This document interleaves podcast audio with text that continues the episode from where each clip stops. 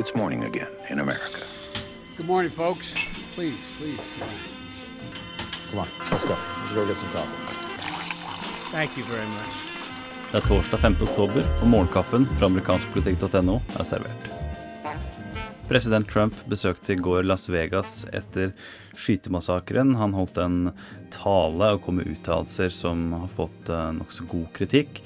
Tonen uh, og stilen var en helt annen enn den han har benytta i Puerto Rico, men minna om den korte uttalelsen han kom med i Det hvite hus etter at nyheten um, om skytemassakren kom ut. Vi skal her høre utdrag fra Trumps tale i går. In the depths of horror, we will always find hope in the men and women who risk their lives for ours. The mass murder that took place on Sunday night fills America's heart with grief. America is truly a nation in mourning. I visited the hospital earlier today where many victims are still recovering from their wounds. And we ask God to ease their suffering and to speed their healing. We pray for the recovery of the injured and those injured officers who so bravely threw themselves into danger when duty called.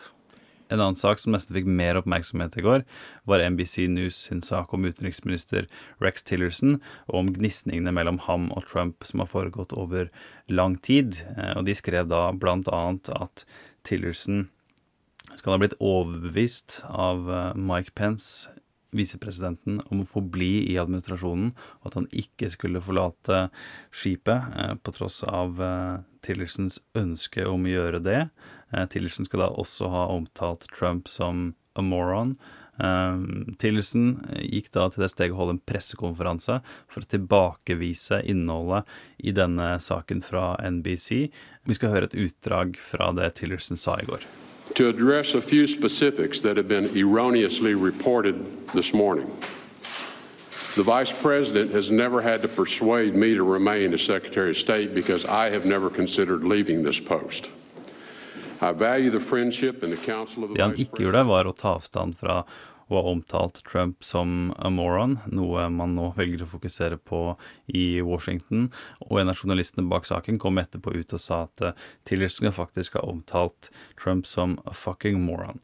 Så eh, Tillerson eh, henger fortsatt i en tynn tråd. Det er fortsatt folk som lurer på hvor lenge han faktisk kommer til å sitte som utenriksminister, men Trump skal ha være fornøyd med sin utenriksminister, ifølge ting han sa i Las Vegas i går.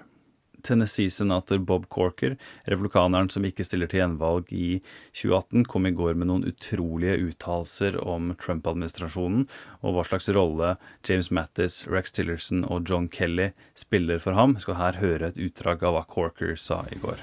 I, I think, uh, Tillerson, Secretary Mattis, and uh, Chief of Staff Kelly uh, are those people that help separate our country from chaos. And uh, I uh, support them very much. Um, and uh, I don't know what he may have said after the briefing. Um, Corkers uh, utrolige uttalelser er jo i tråd med det uh, man har hørt over ganske lang tid, uh, nemlig at visse krefter i Washington stoler på disse stemmene innad i administrasjonen, på tross av alt hva president Trump måtte foreta seg fra dag til dag.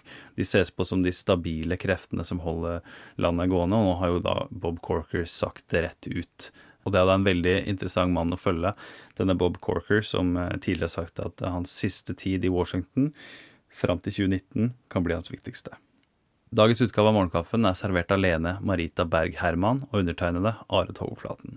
Du finner oss i Spotify og andre podkast-apper, og i dag må du også høre den nye episoden av Ampullkast, som har kommet til episode 90. Håper du også abonnerer på den og sprer ordet om podkastene våre, slik at vi kan nå enda flere, og så snakkes vi i morgen. As I watch, okay, and I can watch very closely on many occasions. I mean, I, you know, he ends up not being supported in the way that I would hope a Secretary of State would be supported, and uh, um, that's just my from my vantage point. And uh, but I've never, you know, I have no knowledge of the comments or anything else. I, I think he's in a very trying situation, trying to